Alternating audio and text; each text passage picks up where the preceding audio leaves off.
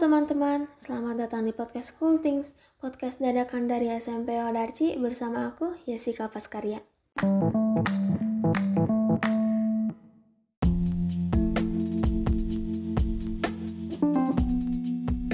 Topik yang aku angkat hari ini adalah produktifnya anak sekolah.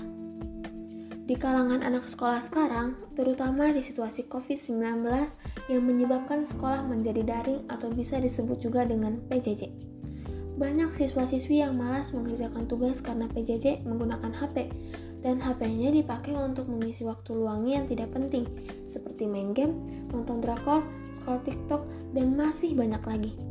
Pasti ada kan yang suka kayak gini? Aku juga jadi salah satunya sih. Aku juga suka nih menunda tugas karena nonton drakor yang menyebabkan tugas aku itu numpuk. Buat kalian yang kayak aku juga, ayo perlahan mencoba untuk lebih produktif dalam belajar.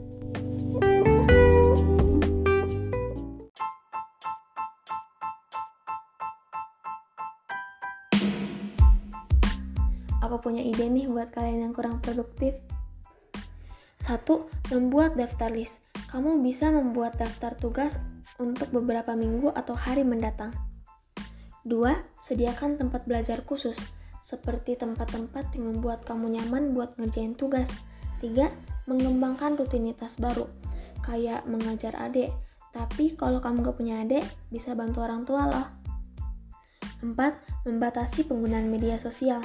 Nih, yang biasanya kamu scroll TikTok sebelum kamu ganti baju seragam, sekarang kamu mengubah kebiasaan buruk kamu jadi ganti baju terus ngerjain tugas. Nah, kalau udah selesai semua nih pekerjaannya, baru deh kamu scroll TikTok sambil rebahan. 5. Memberi penghargaan pada diri. Kayak kalau kamu udah mulai produktif, kamu bisa nih kasih penghargaan ke diri kamu. Misalnya kamu lagi pengen coklat atau pengen es krim, kamu beli buat diri kamu.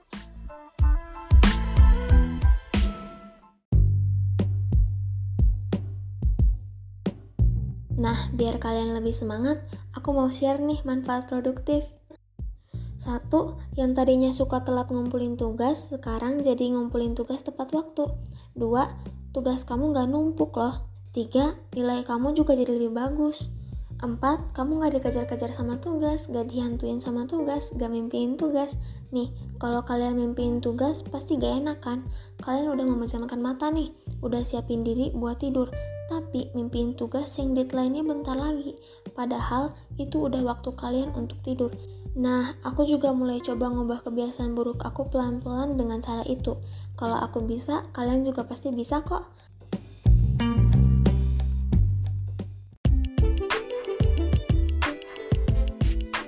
Ayo berjuang melawan kemalasan. Jadilah orang yang produktif agar hidupmu lebih bermakna dan terarah.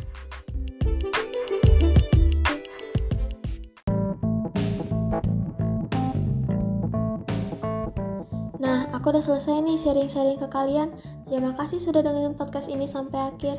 Semoga podcastnya berlanjut dan kamu bisa dengerin episode lain di podcast ini. Bye!